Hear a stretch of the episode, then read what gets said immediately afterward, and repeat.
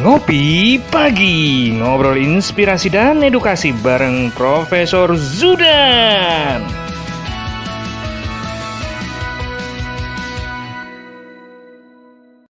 Salam bahagia kerabat desa Indonesia. Pagi-pagi Senin Semangat pagi harus tetap dijaga Walaupun hari Senin. Kadang-kadang udah terlanjur asik menikmati minggu Jadi Senin mau berangkat kerja malas Tapi Ngopi pagi selalu membuat kita uh, semangat. Salam, selamat pagi, Prof. Judan. Selamat pagi, Mas Surya Koco. Alhamdulillah baik, uh, sehat semuanya. Seluruh kerabat desa, seluruh pemirsa TV Desa, sehat selalu. Penuh semangat di hari Senin. Tetap semangat walaupun Senin. Oke, okay, Prof. Ini menarik ini uh, tentang pilkada jadi kemarin kita sempat melihat bagaimana prosesi tradisional arah-arahan. Jadi masih ingat zaman dulu kalau arah-arahan itu kalau malam ya pas apa kita selesai katam Quran itu kan arah-arahan. Nah kemudian uh, ritual-ritual pendaftaran dengan naik becak lah, dengan naik dokar lah dan seterusnya ribuan ratusan pendukung mengantar ke KPU dan seterusnya akhirnya ada juga suara tentang bahaya COVID dan seterusnya. Tapi kita tidak akan ngobrolin itu, Bro. Uh, Prof, sebenarnya pilkada serentak sejauh mana kesiapan dari administrasi kependudukan untuk memastikan bahwa oh iya ada sekian jumlah apa pemilih terdaftar dan seterusnya termasuk juga mungkin ke validasi data ya bro. Artinya kan kita sering banget tuh dengar ketika apa uh, udah dekat-dekat mau coblosan ribut masalah apa daftar pemilih tetap dan seterusnya. Boleh dibagi informasinya Prof. Administrasi kependudukan jadi penting ini kayaknya urusan pilkada. Siapa yeah. tahu besok pilkadanya nggak harus ke bilik suara cukup dari rumah mencet handphone milih siapa gitu kan. Silakan Prof. Terima kasih Mas Surya Kocor, rekan-rekan semuanya, kerabat desa. Pagi hari ini pagi yang penuh semangat bagi kita semuanya, seluruh rakyat Indonesia berkarya terus. Sabtu Minggu sudah istirahat cukup, tetapi tentu saja banyak juga yang tidak beristirahat. Teman-teman tenaga kesehatan masih full berjibaku dengan penanganan COVID-19. Oleh karena itu seluruh kerabat desa jangan lupa selalu menjaga dan mengimplementasikan protokol kesehatan untuk melakukan pencegahan COVID-19. Nah, pagi hari ini saya ingin menyampaikan terkait dengan pilkada serentak nanti di tanggal 9 Desember 2019. Ini adalah gawe besar bangsa Indonesia. Satu tahapan untuk mewujudkan demokratisasi di tingkat lokal yang dikerjakan bersama-sama dari tingkat daerah sampai dengan di tingkat nasional. Ini melibatkan seluruh perangkat dengan banyak stakeholders.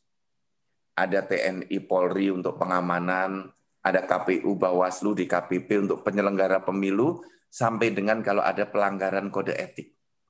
Kemudian pemerintah daerah menyediakan APBD, pemerintah nasional menyediakan APBN dengan seluruh jajaran masing-masing ini adalah pekerjaan bersama. Partai politik sebagai supplier kandidat dan masyarakat juga sebagai supplier kandidat melalui calon perseorangan.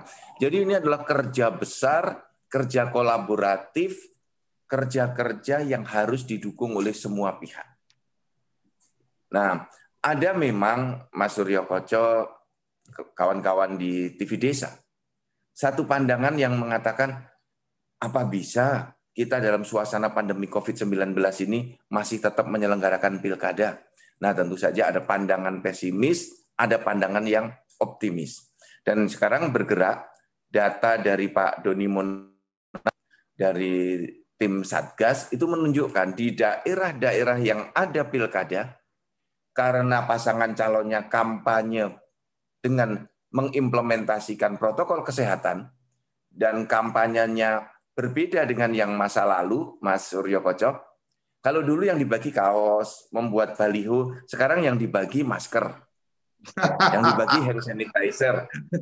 ya kan? Masker, yang masker ada gambar calon di pipi gitu, Bro. iya. Di sini boleh kan? sebagai alat kampanye. Alat peraga ya. Oke, pilih oke, aku. Hmm. Gitu. Di maskernya ditulis ada fotonya dia tulis pilih aku gitu. Hmm. Nah, ini menjadi kekuatan yang dahsyat dalam rangka memberikan sosialisasi kepada masyarakat. Nah, bayangkan ada gerakan tambahan dari uh, pasangan calon selain dari Pemda, dari pemerintah nasional untuk pencegahan COVID-19. Nah, hmm. dan proses ini sudah dilakukan panjang. Jadi satu tahun sebelum pilkada, itu pemerintah sudah bergerak terlebih dahulu, Mas. Hmm. Dengan kalau di undang-undang pilkada itu ada tahapan yang namanya tahapan penyerahan DP4. Daftar pemilih ya potensial.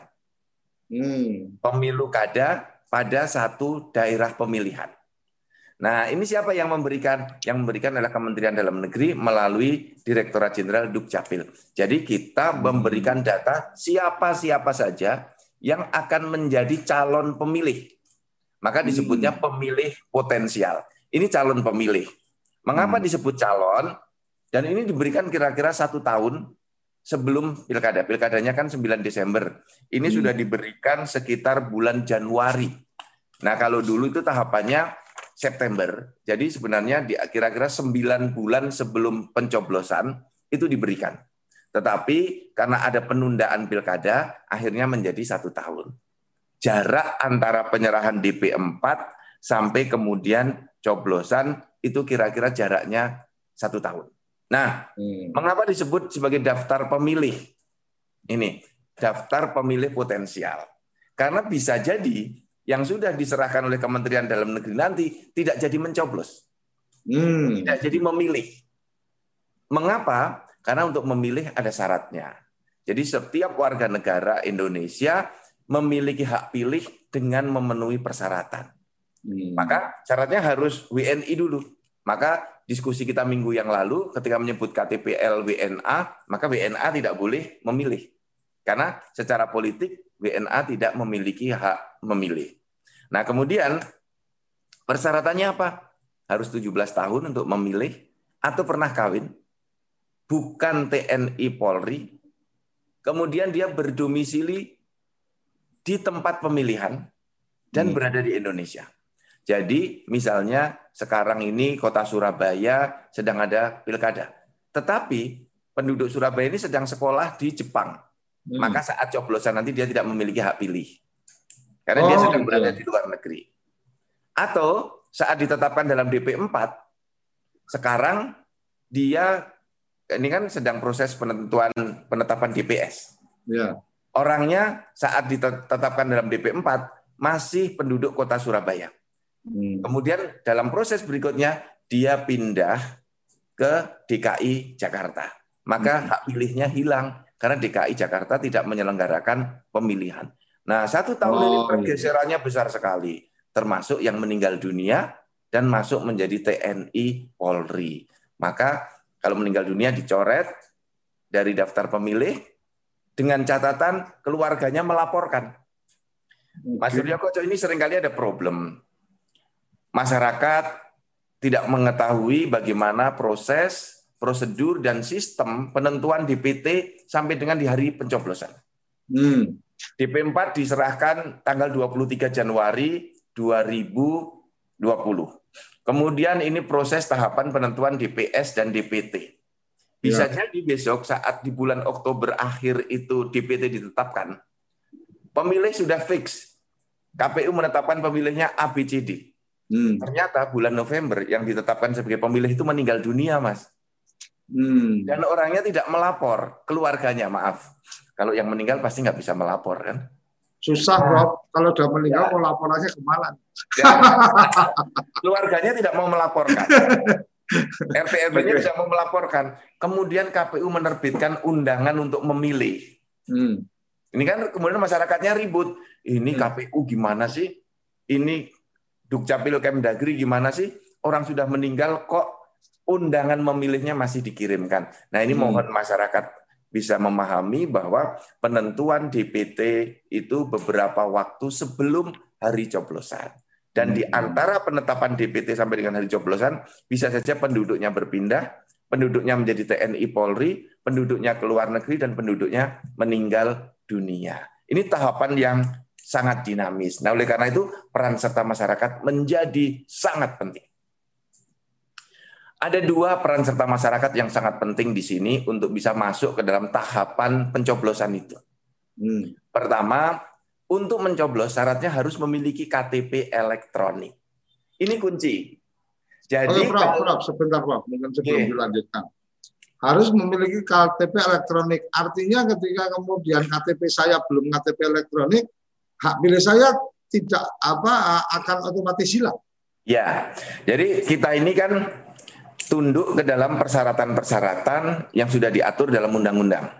Oke. Okay. Undang-undang nomor 10 tahun 2016 ya. kemudian dilanjutkan ke dalam PKPU itu mensyaratkan untuk hmm. dan ini diikuti juga dalam putusan Mahkamah Konstitusi. Untuk bisa hmm. mencoblos harus memiliki KTP elektronik. Yang kedua, bila KTP elektroniknya belum terbit, maka penduduk wajib membuat KTPL dulu, melakukan perekaman. Nah, nanti hmm. kalau misalnya di daerah itu alatnya rusak, belangkonya habis, diterbitkan surat keterangan bukti sudah melakukan perekaman. Nah, ini apa maksudnya dengan KTPL. Dengan KTPL itu artinya pemilihnya tidak bisa memilih lagi di tempat lain karena KTPL hanya bisa dibuat satu kali dengan NIK yang sama. Jadi tidak mungkin ada KTP ya dengan NIK yang berbeda orangnya sama. Kalau ada seperti itu bisa dipastikan salah satunya palsu. Karena tidak mungkin kedua-duanya asli. Ini gunanya adalah untuk mencegah agar tidak terjadi ghost voter pemilih hantu seperti dulu itu Mas Suryo Koco. Hmm. Kita kan mengenal zaman dulu satu ya. orang bisa memilih berkali-kali terdaftar di, di, diangkut pakai truk ke sana nanti betul. saat coblosan pindah di kabupaten yang berdekatan ini fenomena ghost voters yang bisa diminimalkan dengan KTP elektronik. Jadi Bapak dan Ibu seluruh penggiat pemilu rekan-rekan organisasi Eh, lembaga swasta masyarakat atau NGO, mari kita sama-sama. Mendorong agar seluruh masyarakat memahami bahwa untuk bisa mencoblos harus memiliki KTP elektronik. Hmm. Jangan kemudian diadu. Setiap penduduk tidak boleh kehilangan hak suaranya. Hmm. Nah, kita dorong dengan branding yang baik bahwa masyarakat pun harus taat dengan sistem hukum yang berlaku. Ya. Kita semuanya harus mentaati ini sudah diputuskan oleh negara. Sudah jadi undang-undangnya sejak tahun 2000 dulu undang-undang nomor 1 ya. Eh, undang-undang nomor 1 2005 uh, undang-undang 10 2016.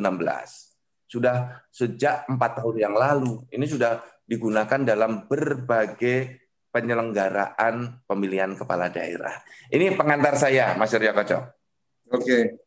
Prof, yang menarik tadi adalah tentang kewajiban untuk memiliki KTP elektronik. Itu menurut saya sesuatu yang luar biasa lah artinya. Itu uh, tertulis dalam peraturan KPU atau tertulis dalam peraturan pemerintah atau apa nih, Prof? Nah, untuk yang secara tegas KTP elektronik. Nah, perintah untuk menggunakan KTP elektronik itu ada sejak di Undang-Undang Pemilu dengan sampai perubahan yang terakhir dari undang-undang yang uh, diterbitkan sejak Undang-Undang 10 2016 sampai dengan perubahannya yang sekarang itu semua sudah memerintahkan dengan menggunakan KTP elektronik. Kemudian dari Undang-Undang Pemilu ini ya maksudnya Undang-Undang Pemilihan Gubernur, Bupati Wali Kota itu kemudian diturunkan sampai ke PKPU peraturan KPU tentang pemilihan kepala daerah. Peraturan KPU-nya banyak sekali. Dalam tahapan pencoblosan itu wajib menggunakan KTP elektronik. Dalam hal KTP elektronik belum bisa diterbitkan, maka diterbitkan surat keterangan bukti sudah melakukan perekaman. Tetapi untuk tahun ini kita ingin betul memastikan dengan KTP elektronik karena belangkonya tersedia cukup. Okay. Kita sudah dapat tambahan dari Menteri Keuangan, Pak Mendagri sudah memperjuangkan dan sudah dikabulkan oleh Ibu Menteri Keuangan. Maka Kepala Dinas Dukcapil yang masih menerbitkan suket itu kita jewer rame-rame. Hmm. Saya terbitkan surat. Surat itu surat keterangan, bukan rumput kan, Bro? bukan, ya. Surat teki. Nanti lagunya, lagunya ambiar. Surat keterangan. Jadi, Oke, Prof. Uh, satu, ketika bicara menggunakan KTP elektronik sebagai amanat dari undang-undang, kemudian itu juga menjadi apa uh, turunan apa dari undang-undang itu juga ada di peraturan KPU dan seterusnya. Yang menarik menurut saya mungkin dengan era yang sekarang sudah mulai digital dan seterusnya. Apakah kemudian uh, eh, KPU mungkin ya, tapi dalam hal ini uh, Prof. mungkin uh, sempat berkomunikasi atau sempat tahu KPU apa uh, mencoba melakukan komunikasi dengan administrasi kependudukan.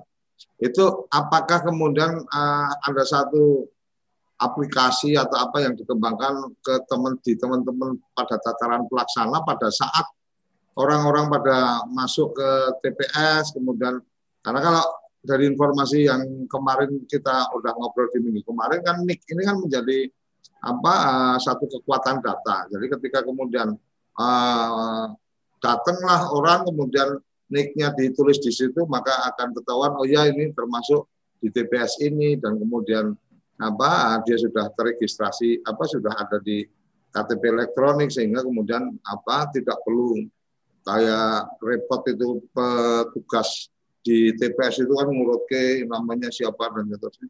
Ada yang sudah ada meng, mengkomunikasikan terobosan-terobosan aplikasi kayak gitu Ya, kalau saat ini kita itu ada satu pemikiran besar, Mas Surya Koco dan seluruh kerabat desa, bahwa suatu ketika nanti kita bukan hanya menggunakan aplikasi parsial seperti itu, tapi Indonesia sudah harus bisa maju ke satu titik yang lebih advance lagi, lebih hmm. maju lagi dengan yang namanya electronic voting. Hmm. Ini kan teknologinya berkembang sangat pesat. Hmm.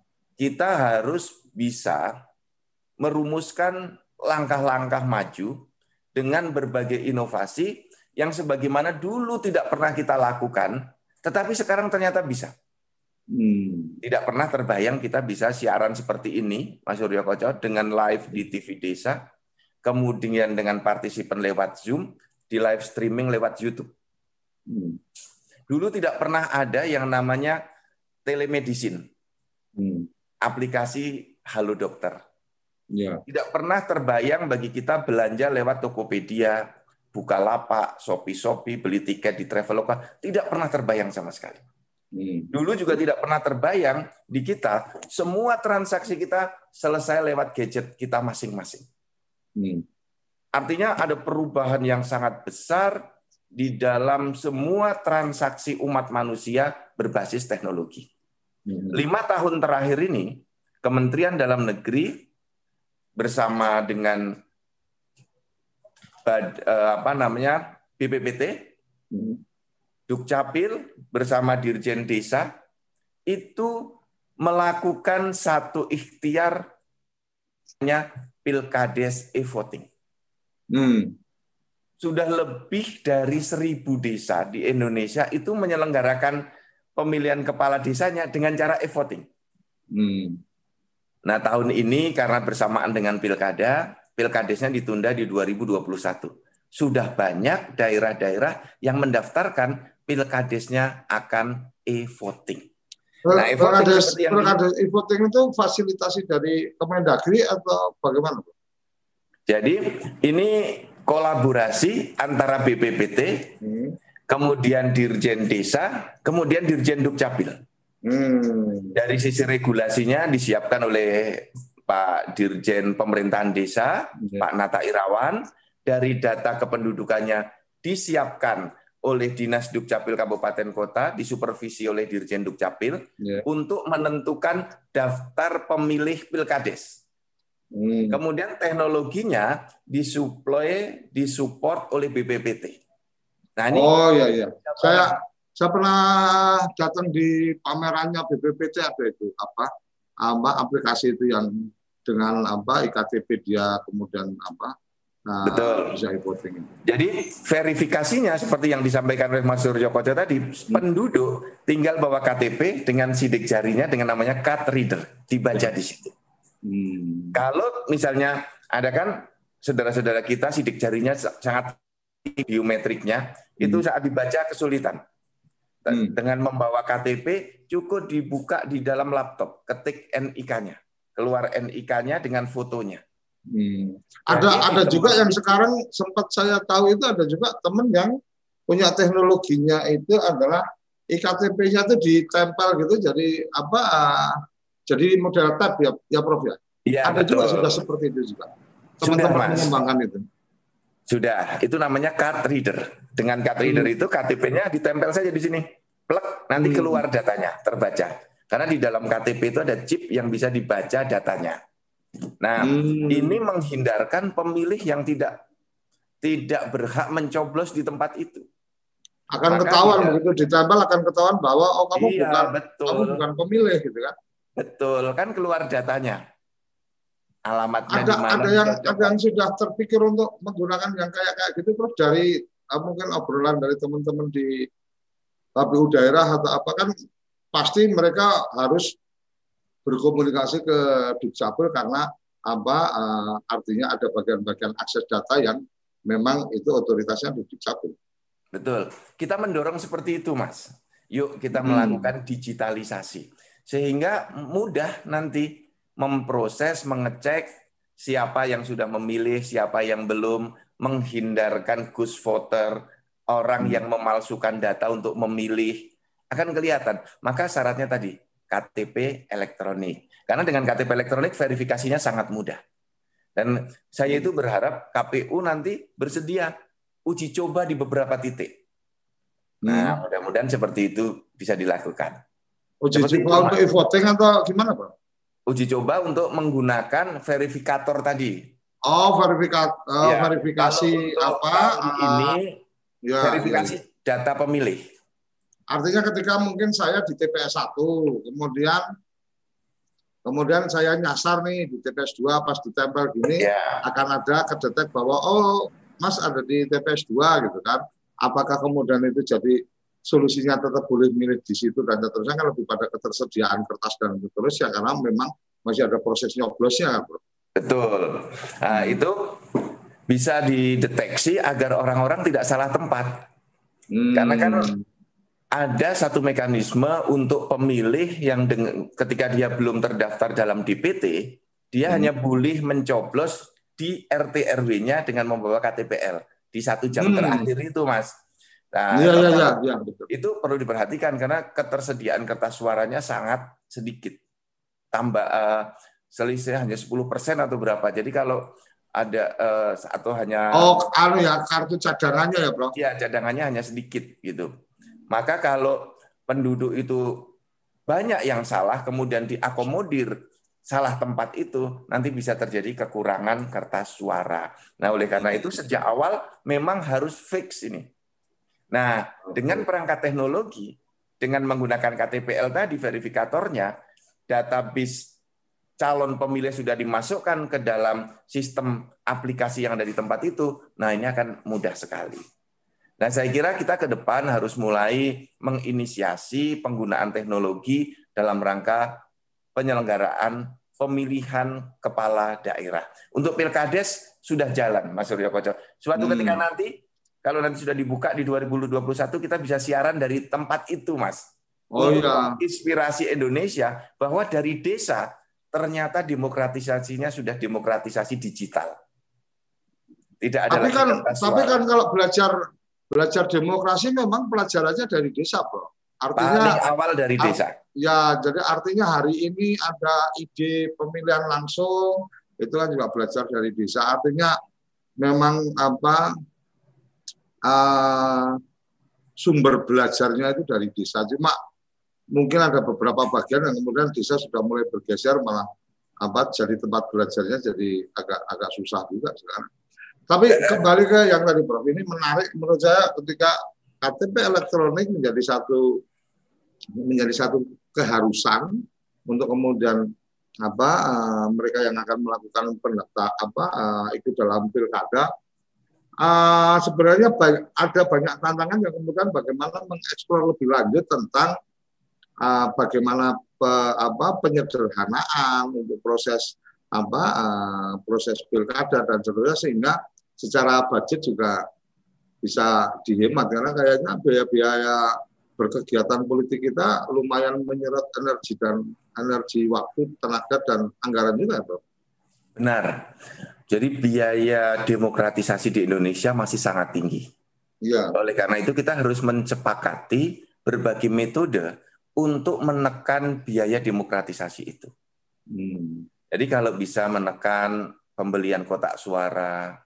Pembelian apa namanya kertas suara, Betul. pembelian TP eh, eh, eh, tempat-tempat nyoblos di bilik-bilik suara, bilik itu. ya, kemudian biaya saksi, biaya ya. saksi kan mahal sekali, itu dibebankan pada calon. Ya, ya kan? betul. Menjadi kalau kalau kita bicara digital sebenarnya kan lebih pada bagaimana teman-teman yang saksi itu juga bisa mendapatkan akses di level tertentu sehingga dia bisa mengikuti dengan baik proses yeah. untuk pemindahan data. Oke, okay, oh ini dari TPS ini ke kecamatan, kecamatan ke mana dan seterusnya. Sebenarnya ketika sudah dengan pola digital kan nggak perlu lagi harus dijaga keamanan pakai senjata bawa kotak suara pada kotak suaranya juga kalau jatuh bisa apa tumpah juga isinya kan gitu.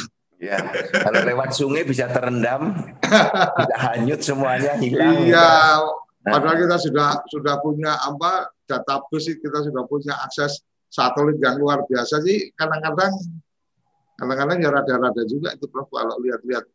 Artinya teman-teman yang masih masih agak kurang mau membawa areal ah, proses-proses ini menjadi lebih praktis, lebih efisien dengan digital. Kira-kira gitu ya, Bro. Salah satu pekerjaan penyelenggara negara itu Mas Suryo Koco yang paling berat adalah mendorong masyarakat keluar dari zona nyaman, masuk ke zona nyaman baru. Hmm. Ini kan setiap kali perpindahan sistem di Indonesia itu penolakannya selalu luar biasa. Iya.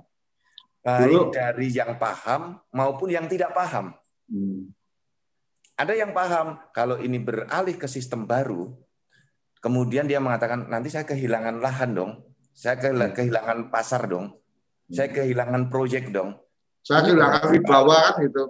Saya kehilangan wibawa karena seorang apa uh, dirjen kalau umpama dulu itu belum digital kan ada yang nunduk-nunduk gini, Papa minta mm -hmm. kan gitu. Kalau sekarang kan yeah. kirim email aja, bro itu sudah dikirim emailnya gitu kan ya. di proof gitu. betul dengan sekarang perkembangan seperti ini memang kita harus melihat mas selalu kita harus berani keluar dari zona nyaman untuk masuk ke zona nyaman yang lebih tinggi hmm.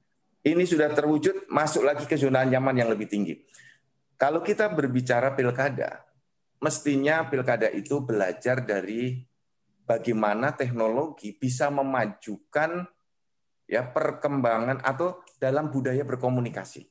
Hmm. Kalau kita melihat dari budaya komunikasi itu tumbuh betul dan kelihatan tahapan-tahapannya. Dulu masyarakat di awal awal menggunakan kentongan cara komunikasi. Ya. Kemudian meminjam pengeras atau kita menyebut toa di masjid. Ya. Ada apa-apa kan pengumuman meninggal dunia lewat masjid, gitu kan? Ya. Sampai sekarang masih itu, Bro. Di ya. masjid dekat rumah. Masih ada. Kemudian berkembang berikutnya lewat telepon rumah. Telepon satu persatu. Hmm. Kemudian dari telepon rumah berkembang menjadi wartel. Ya. Berkembang pesat wartel. Wartel mengirim suara lewat telepon. Itu dianggap kurang cukup di dalam sarana komunikasi. Kemudian ya. lahirlah warnet untuk mengirim data. Ya. Sekarang kita bisa bertanya, kentongan kita sudah jarang menemukan, kemudian telepon rumah kita sudah jarang menemukan, wartel sudah hampir tidak ada lagi, warnet juga tidak ada lagi. Sekarang bertransformasi ke dalam sebuah genggaman tangan, gadget, dari 2G, 3G, 4G, besok menjadi 5G, berkembang terus-menerus. Nah, inilah yang harus diadaptasi oleh seluruh penyelenggara negara bahwa dunia ini bergerak. Kalau dulu Telkom nyaman dengan wartel, pasti akan rugi besar sekarang. Kalau Telkom nyaman dengan warnet, dikembangkan warnet terus. Tetapi Telkom berani keluar dari zona nyaman lama menuju zona nyaman baru. Sekarang kita bisa melihat Indonesia bergerak dengan provider seluler menggerakkan semua tradisi komunikasi berubah. Menjadi sangat efektif. Kirim ya. surat lewat internet, cepat. Ya. Kalau mau bareng lewat internet satu-satu capek, lewat grup WhatsApp 250 alamat dikirim satu kali. Tapi tapi jadi jadi ada bagian yang hilang loh, Bro. Ya. Untuk yang kalau dulu kan uh, apa bisa bersair-sair membuat surat cinta dan seterusnya. Sekarang ini udah udah nggak perlu udah langsung video call aja kamu. Kalau dulu itu kan ada ada nikmatnya berkirim surat nunggu seminggu akan ada balasan gitu kan lupa pos. Iya. Oke. Ada yang ditunggu-tunggu. Oke, okay, nah, kita akan ah, kita akan melanjutkan.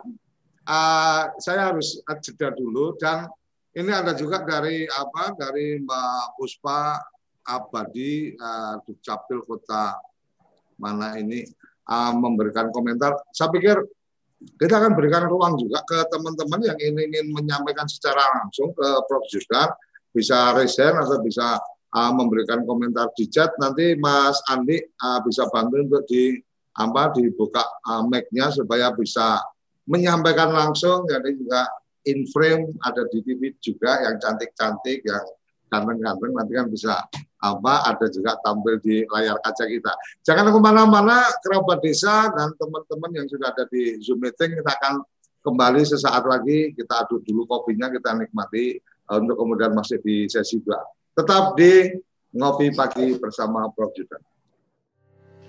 Kamu tinggal di pulau terpencil, pegunungan pinggiran kota, atau daerah di Indonesia yang tidak terjangkau jaringan fiber, ADSL, dan juga 3G.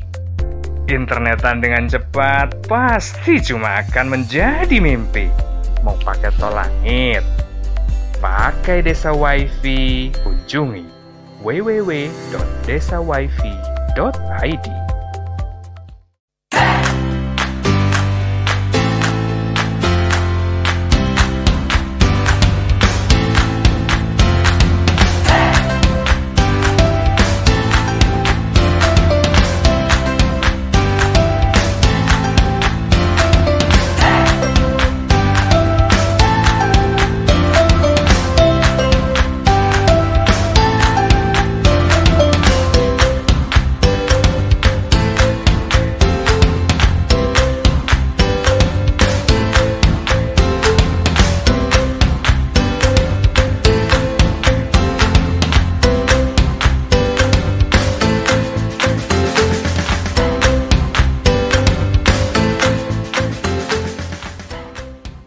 toko IG.id, toko Instagramnya orang Indonesia. Ayo, kandidat kepala daerah, manfaatkan kesempatan ini.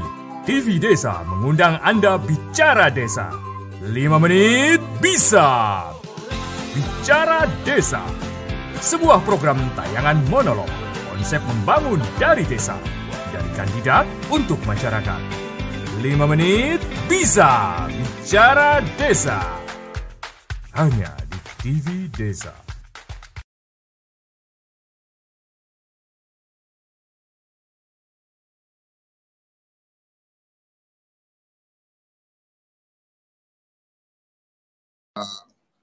ngopi pagi bersama Prof Judan tadi keputus apa audionya lupa belum saya buka. Mas Andi mungkin ada yang bisa diberikan apa kesempatan untuk bicara atau kita akan bacakan aja Silakan Mbak Mbak siapa tadi? Ada di Zoom kita. Mbak Puspa. Dikasih mic coba. Silakan. Mbak Puspa ada uh, mau menyampaikan langsung atau cukup kita bacakan uh, videonya silakan di-on-kan dulu. Uh, Ibu Puspa salah satu di daerahnya yang menyelenggarakan pilkada Pak Koco. Oke, silakan. Iya, iya Pak Koco. Selamat uh, Assalamualaikum Prof. Pak ya. Dirjen, ya. Terima kasih Buka Pak. aja Mbak, uh, apa-apa. Iya. Enggak, saya lagi di ruangan dengan orang yang oh, banyak gitu, Pak, ya. jadi saya tutup. Ya.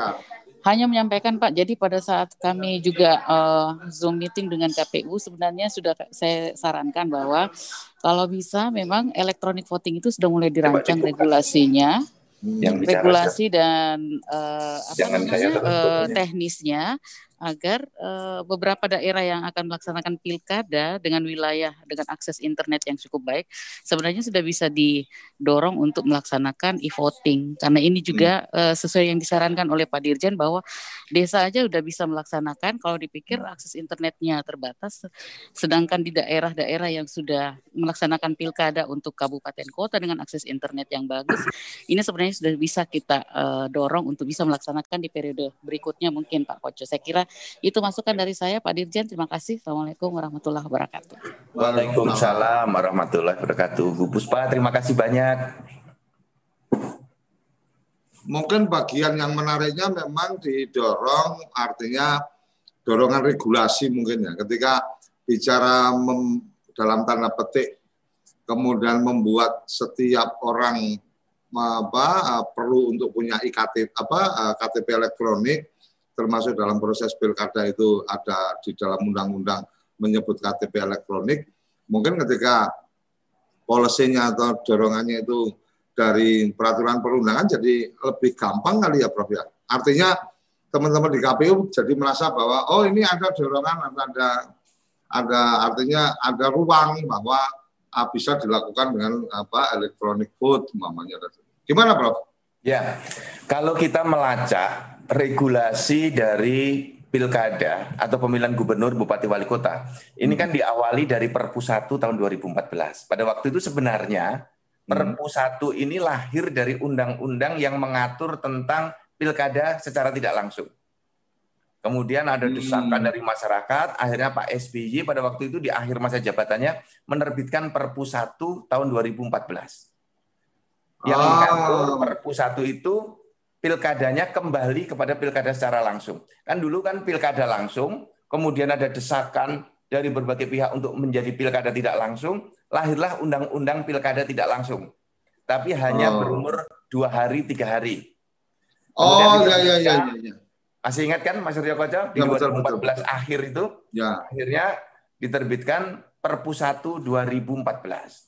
Nah, Perpu 1 dalam jangka waktu beberapa bulan kemudian ditetapkan menjadi undang-undang. Lahirlah hmm. Undang-Undang Nomor 1 Tahun 2015 tentang penetapan Perpu 1 tahun 2014 menjadi undang-undang. Nah, itulah undang-undang pilkada tidak langsung eh, pilkada langsung generasi 2.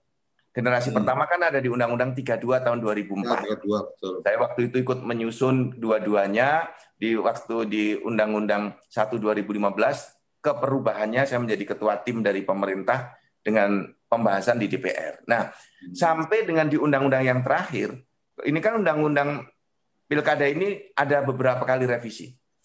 Undang-undang oh. 1 2015, kemudian undang-undang 10 2016, kemudian yang terakhir kemarin ada Perpu nomor 2 tahun 2020 yang kemudian ditetapkan menjadi undang-undang nomor 6 tahun 2020. Jadi khusus pilkada ini memang kita harus jelimet membaca satu-satu progres dan revisi dari undang-undang itu. Hmm. Apa yang ingin saya sampaikan? Dalam semua undang-undang tadi sudah dibuka peluang untuk e-voting. Ada. Ada, ada pasal, untuk itu. pasal tertentu yang mengatakan dapat digunakan dengan menggunakan teknologi, dengan pilihan menggunakan electronic voting. Nah ini tinggal nanti KPU mau memilih yang mana dulu Hmm. Mau langsung e-votingnya atau e-rekap atau e-verifikasi kan banyak itu tahapannya. Hmm. Kalau e-verifikasi itu orang yang mau masuk ke TPS menggunakan verifikasi elektronik. Hmm. Atau nanti setelah datanya coblosannya dilakukan, ada tahapan kedua merekap hasil suara. Hmm. Dilakukan lewat e-rekap. Atau totally kita orang milih sudah dengan e-voting, ya tinggal milih saja nanti pencet di layar hmm. satu dua tiga atau nama calon itu pencet pencet pencet persis seperti e-voting pilkades itu Mas Surya Koco itu kan dan dan dan itu sebenarnya juga sangat sangat memungkinkan sangat simpel dan uh, anak-anak sekolah sekarang juga sudah pakainya kan kayak gitu ketika ada guru memberikan pelajaran lewat online, kemudian pada jam berapa, kemudian oke okay, anak-anak akan ada soal dikirim, maka tinggal dia pencet, pencet akan ketahuan, oh guru langsung ketahuan, oh sekian anak sudah jawab dan seterusnya. Jadi sebenarnya sangat simpel, tapi ini bicaranya lebih pada kemauan politik kali ya. Ya, jadi political will, penyelenggara pemilu. Hmm. Mau nggak kita keluar dari zona nyaman yang sekarang berbasis manual, hmm. menuju pemilihan atau proses demokratisasi berbasis digital. Nah, kalau kita mau sana, ini lompatan yang luar biasa. Dan Prof, kalau dari desa. Prof, kalau pilkada itu kalau pilkada itu kemudian regulasinya itu masing-masing apa tempat yang melakukan atau kemudian ada uh, regulasi besar dari KPU pusat. Nanti undang-undangnya kan sudah membolehkan ini, Mas. Hmm. Nanti KPU bisa piloting daerah hmm. yang misalnya penduduknya sedikit, misalnya Kota Magelang dulu uji coba. Hmm. Hmm. Atau yang agak besar tetapi sudah terhubung dengan internet semua Kabupaten Sleman misalnya. Hmm. Atau yang mau lebih besar lagi jumlah penduduknya, tetapi sudah sangat advance teknologinya, misalnya kota Surabaya. Hmm. Jadi bisa milih tidak harus 514 daerah bareng. Hmm. Berapa daerah dulu untuk uji coba teknologi sekaligus uji nyali nih bangsa Indonesia itu sudah kuat belum berdemokrasi dengan secara digital. Kalau saya ini. meyakini Mas, desa saja bisa. Pilkades saja bisa. Oh, kalau des, jangan gitu, Bro. Kalau kalau profesor menyampaikan desa saja bisa itu kan kesannya jadi meremehkan desa. Artinya bahwa desa bisa gitu kan. Artinya, desa bisa melakukan itu gitu kan. Akan mas, akan malu kalau kemudian teman-teman yang di atasnya desa nggak bisa melakukan kan gitu, Bro. Jadi yang saya maksudkan itu begini, lawang setingkat pilkades saja. Iya. Setingkat pilkades. Ini kan pilkades itu level yang paling bawah. Ya. Ya kan? Dengan sumber daya yang minimal. Ya. Panitianya kan tidak bersifat tetap, Mas. Hmm. Kan ganti-ganti. Kalau KPU kan bersifat tetap. Oh iya ya KPU Mandiri. Itu, oh KPU itu lima tahun. Enggak, KPU itu enggak ada pilkada, enggak ada pileg, itu tetap jadi anggota KPU jadi, bayaran terus ya. Ber, berbeda ini yang saya maksudkan itu begini, kelembagaan pilkada ya, ya, ya. itu kan hanya dibentuk saat itu. Setelah ya, itu ya, ya. Artinya kalau, panitia ad hoc. Kalau ini kan malah yes. panitia tetap. Iya, ad hoc. Oh. Jadi kalau pilkada itu persiapannya pendek sekali, Mas, panitianya. Hmm. Kalau KPU itu bisa lima tahun mendesain. Hmm. Nggak ada pilkada atau ada, dia tetap bekerja. Mendesain sistem. Mensosialisasikan sistem. Mensimulasikan sistem. Sampai di terakhir mengimplementasikan sistem. Jadi tahapannya panjang. Nah itu tadi yang saya sampaikan, uang pilkada bisa saja jadi, bisa gitu. Kayaknya bisa jadi topik khusus ini nanti, Bro. Bicara jadi, pilkada online berani atau tidak kan gitu. Terus kemudian ya, KPU gitu kan. Betul. Prof ini ada ya. pertanyaan dari apa uh, Fandi.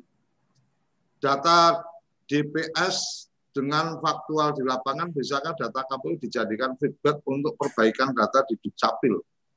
Ya. Kembali apa enggak ini ya? mestinya bukan tapi monggo Prof. Ini yeah. Data DPS dengan faktual di lapangan, bisakah data KPU dijadikan feedback untuk perbaikan data di Dukcapil?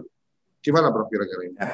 Inilah semangat yang kita bangun dari Undang-Undang 1 2015 mengapa menggunakan data dari Dukcapil. Hmm. Ini kalau kita dalam tata kelola pemerintahan disebut dengan mengembangkan ekosistem Mas Suryo Koco. Iya. ekosistemnya dibangun dengan pemanfaatan data. Ini kan diawali dari pasal 58 ayat 4 Undang-Undang 23 uh, Undang-Undang 24 tahun 2013 bahwa hmm. data Dukcapil digunakan untuk proses demokratisasi. Salah satunya. Ya. Nah, yang lain digunakan untuk pelayanan publik. Perencanaan anggaran, perencanaan pembangunan, alokasi anggaran dan penegakan hukum. Nah, contoh yang sekarang ekosistem kita bangun dengan BPS. Kami memberikan hmm. data kepada BPS, BPS kemudian melakukan sensus. Data hmm. dari BPS itu kemudian dikirim kembali ke Dukcapil dengan updatingnya, Mas Surya Kocok. Nah, hmm. ini sekali. Lembaga lain yang sudah mengimplementasikan adalah BPJS Kesehatan. Kami menyebut dengan nama data balikan. BPJS mengirimkan data kepada Dukcapil, data orang-orang yang dirawat di rumah sakit kemudian meninggal dunia. Jadi BPS, eh, BPJS mengirimkan data orang-orang yang wafat, kemudian data itu kami cocokkan dengan di database. Nah, yang hmm. belum dilaporkan oleh keluarganya kita masukkan.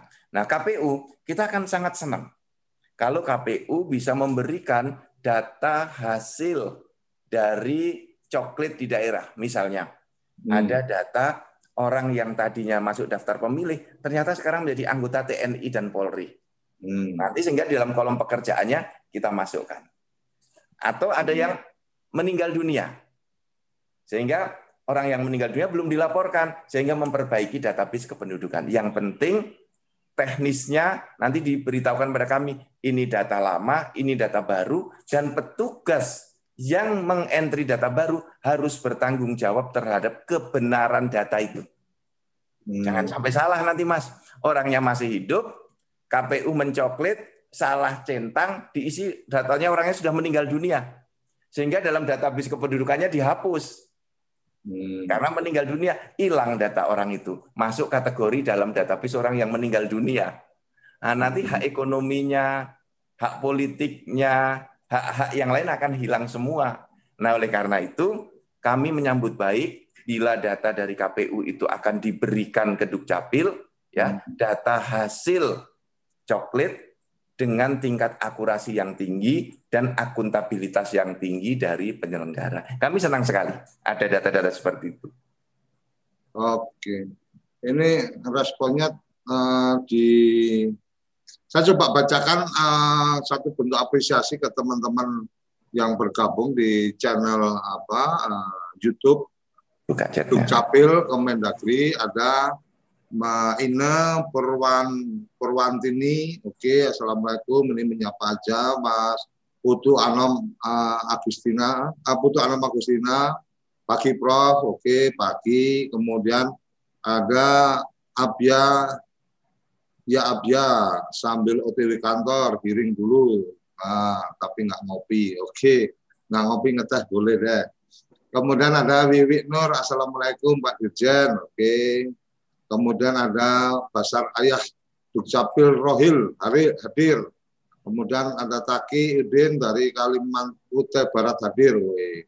Ini teman-teman dari apa daerah-daerah pada memantau kopinya Prof. Zudan.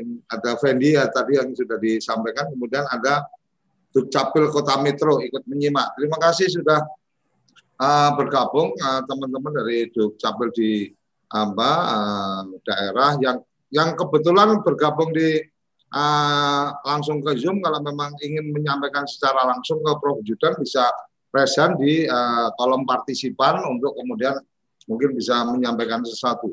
Balik uh, ke tadi pilkada serentak ini secara apa secara positif tadi uh, Prof.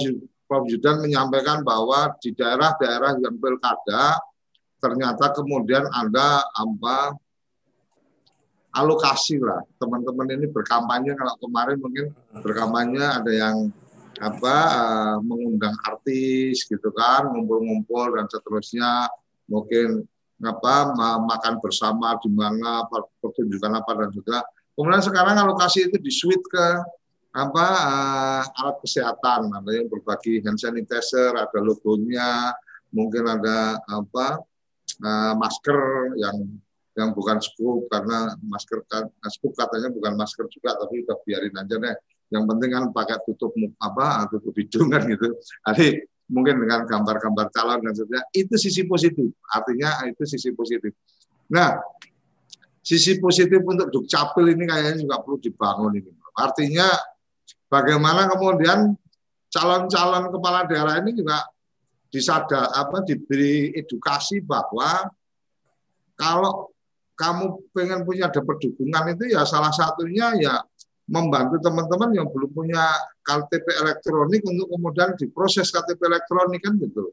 Mungkin uh, mungkin idenya bisa aja apa mereka menyiapkan mobil antar jemput untuk yang mau apa uh, pendataan dan seterusnya. Itu artinya kan secara data Dukcapil juga dapat update, mereka juga dapat apa uh, manfaat berkomunikasi dengan konstituen dan seterusnya. Mungkin ada ada ada agenda-agenda atau pesan khusus ini Prof ke calon-calon ya. kepala daerah siapa tahu dari tayangan kita di satelit uh, ada juga teman-teman calon kepala daerah yang atau yang sudah masuk sebagai apa kontestan ini mendengar ini dan kemudian jadi inspirasi. Oh benar juga nih. Kita bantu ini sekaligus kita juga dapat ini. Ada Mbak Sulastin uh, Resen nanti habis ini kita buka. Monggo uh, Prof ya kerabat desa dan seluruh pemirsa TV desa ini kita sekarang memasuki pilkada yang terbesar sepanjang hmm. sejarah Republik ini daerah yang ikut itu ada 309 karena ada 9 pemilihan gubernur. Kalau hmm. daerah pemilihannya ada 270. Ini lebih dari separuh. Hmm. Nah, kalau kita bisa memiliki tekad yang sama, pertama, tekad untuk menuntaskan administrasi kependudukan seperti Mas Suryo Koco tadi sampaikan. Hmm. Untuk bisa mencoblos itu harus dengan KTPL.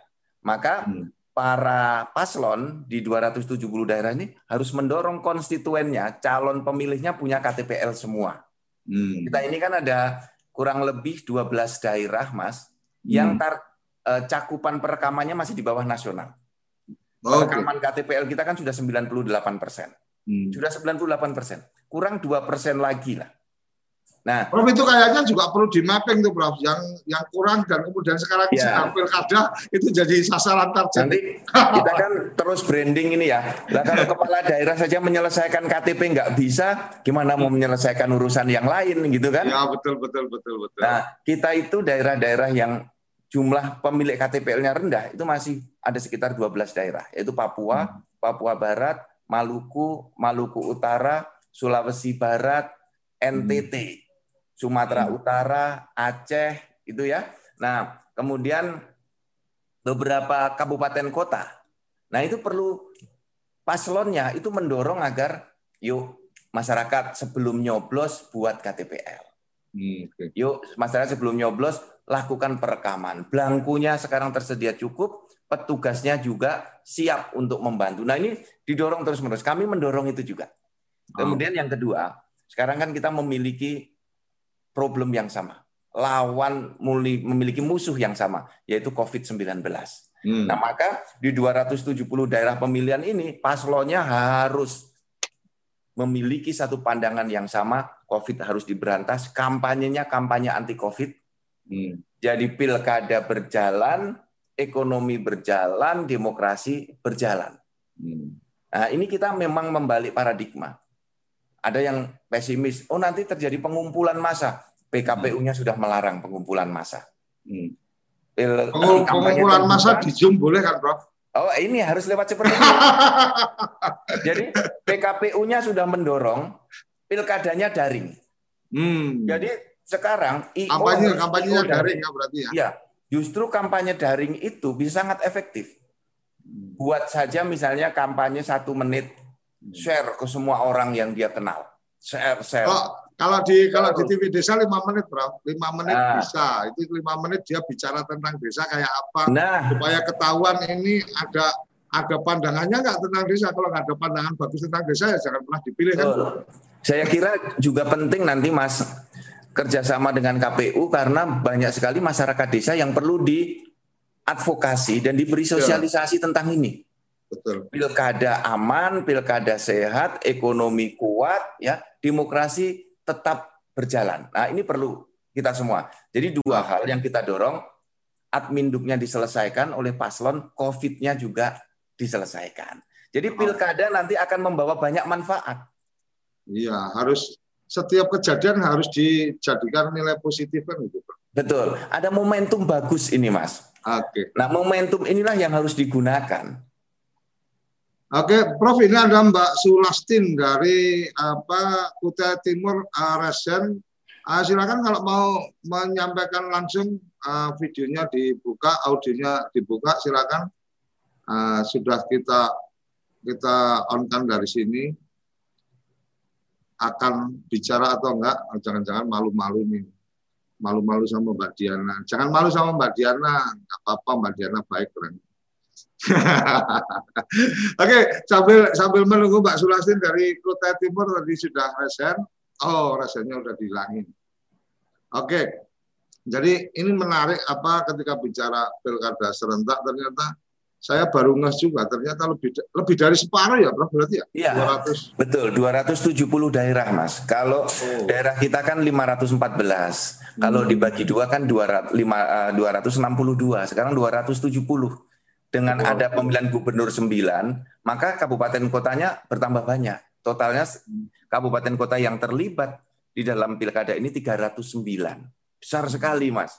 Artinya ada uh, artinya ketika kemudian ini dijadikan momentum oleh teman-teman penyelenggara pemilihan umum untuk kemudian membuat sesuatu ini akan menjadi sangat luar biasa kira-kira kan gitu ya Pak? Iya. Jadi kita ini di dalam bernegara pertama frekuensinya harus sama. Pilkada ini tidak boleh hanya digunakan single entry. Ya, Hanya betul. untuk milih kepala daerah saja. Itu single entry saya menyebutnya. Ya. Tetapi pilkada harus digunakan sebagai momentum untuk multi entry. Jadi artinya, kepala artinya sekali dayung dua tiga pulau harus terlampaui yes, kan. Betul. Kalau dayung cuma ke satu pulau aja kan capek nanti ya, bro. Memilih ke, betul, memilih kepala daerah dapat, member, uh, mencegah penularan COVID dapat, penuntasan administrasi kependudukan dapat. Nanti ujungnya adalah peningkatan kesejahteraan Itulah pendekatan yang didorong oleh Bapak Menteri Dalam Negeri, Profesor Tito Karnavian. Pilkada jangan ditakutkan. Hmm. Karena ini bisa menjadi pintu masuk multi entry untuk banyak hal. Mas bayangkan, pilkada ini kan menggerakkan sektor ekonomi baru. Ya. Triliunan uang beredar di sana. Nah sekarang ini kan masyarakat butuh pekerjaan.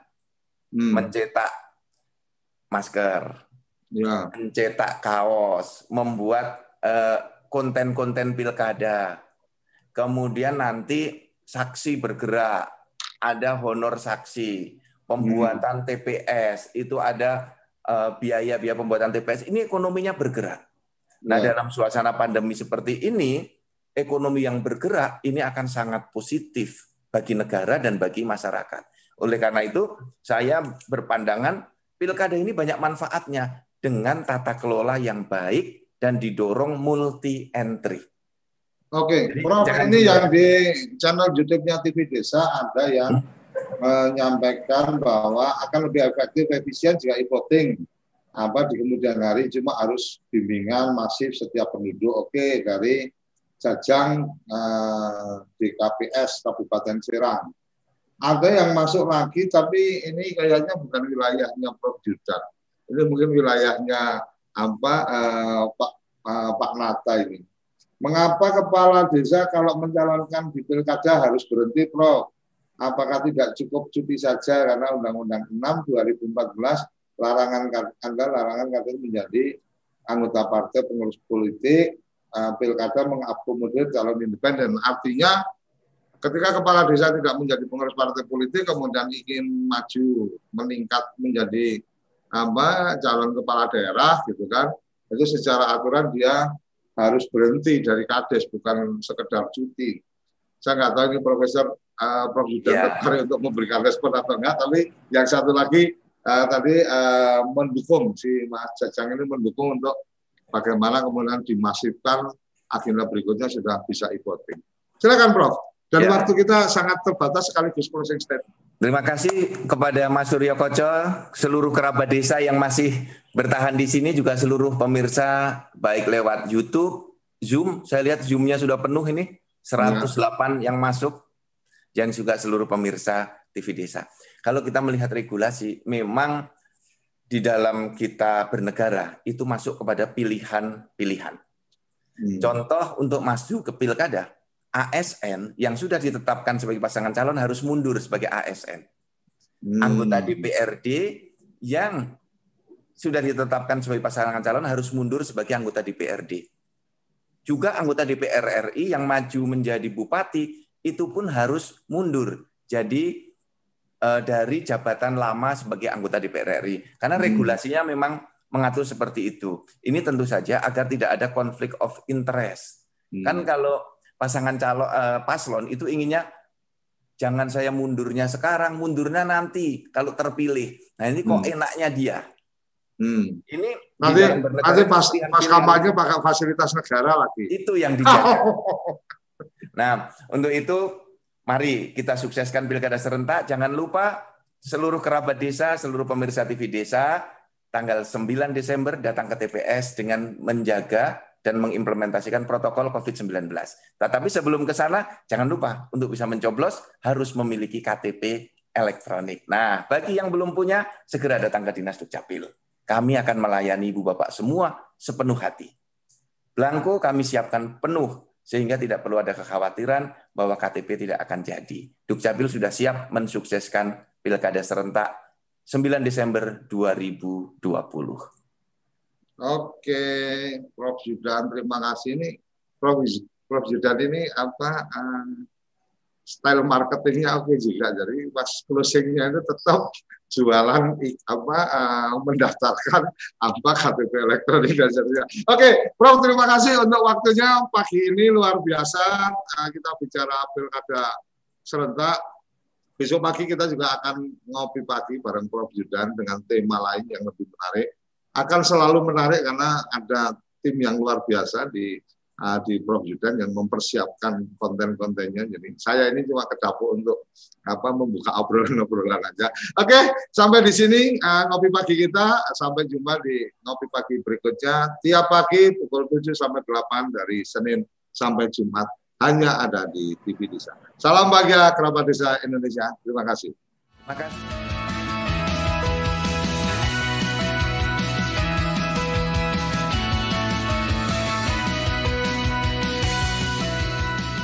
Ngopi Pagi, ngobrol inspirasi dan edukasi bareng Profesor Zudan.